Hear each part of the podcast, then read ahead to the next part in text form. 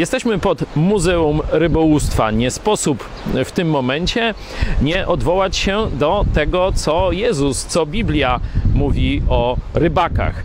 Choć Jezus był cieślą, to przecież swoich pierwszych uczniów e, wziął spośród rybaków. To właśnie nad wodą, przy rybackich łódkach opowiadał przypowieści. I to tam powiedział, że wy będziecie rybakami ludzi.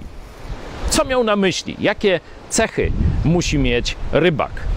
No, po pierwsze, patrząc na taką łupinę i na często wzburzone morze, to musi być odważny człowiek.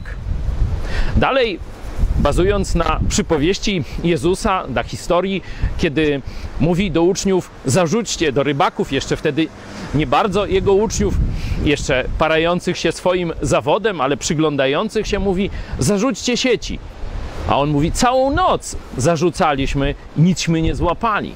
Czyli muszą to być ludzie wytrwali.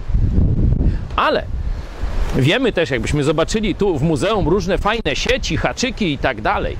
Rybołówstwo to też intelekt. Rybołówstwo to pomyślunek, czyli rybak musi być też człowiekiem bardzo pomysłowym. No to są oczywiste rzeczy, ale jest najważniejsza cecha rybaka. On idzie na niepewny grunt. On idzie do walki z przeciwnikiem, który go przerasta. Może każdego rybaka przerasta i napawa obawą. Ten człowiek musi całe swoje zaufanie złożyć w Bogu.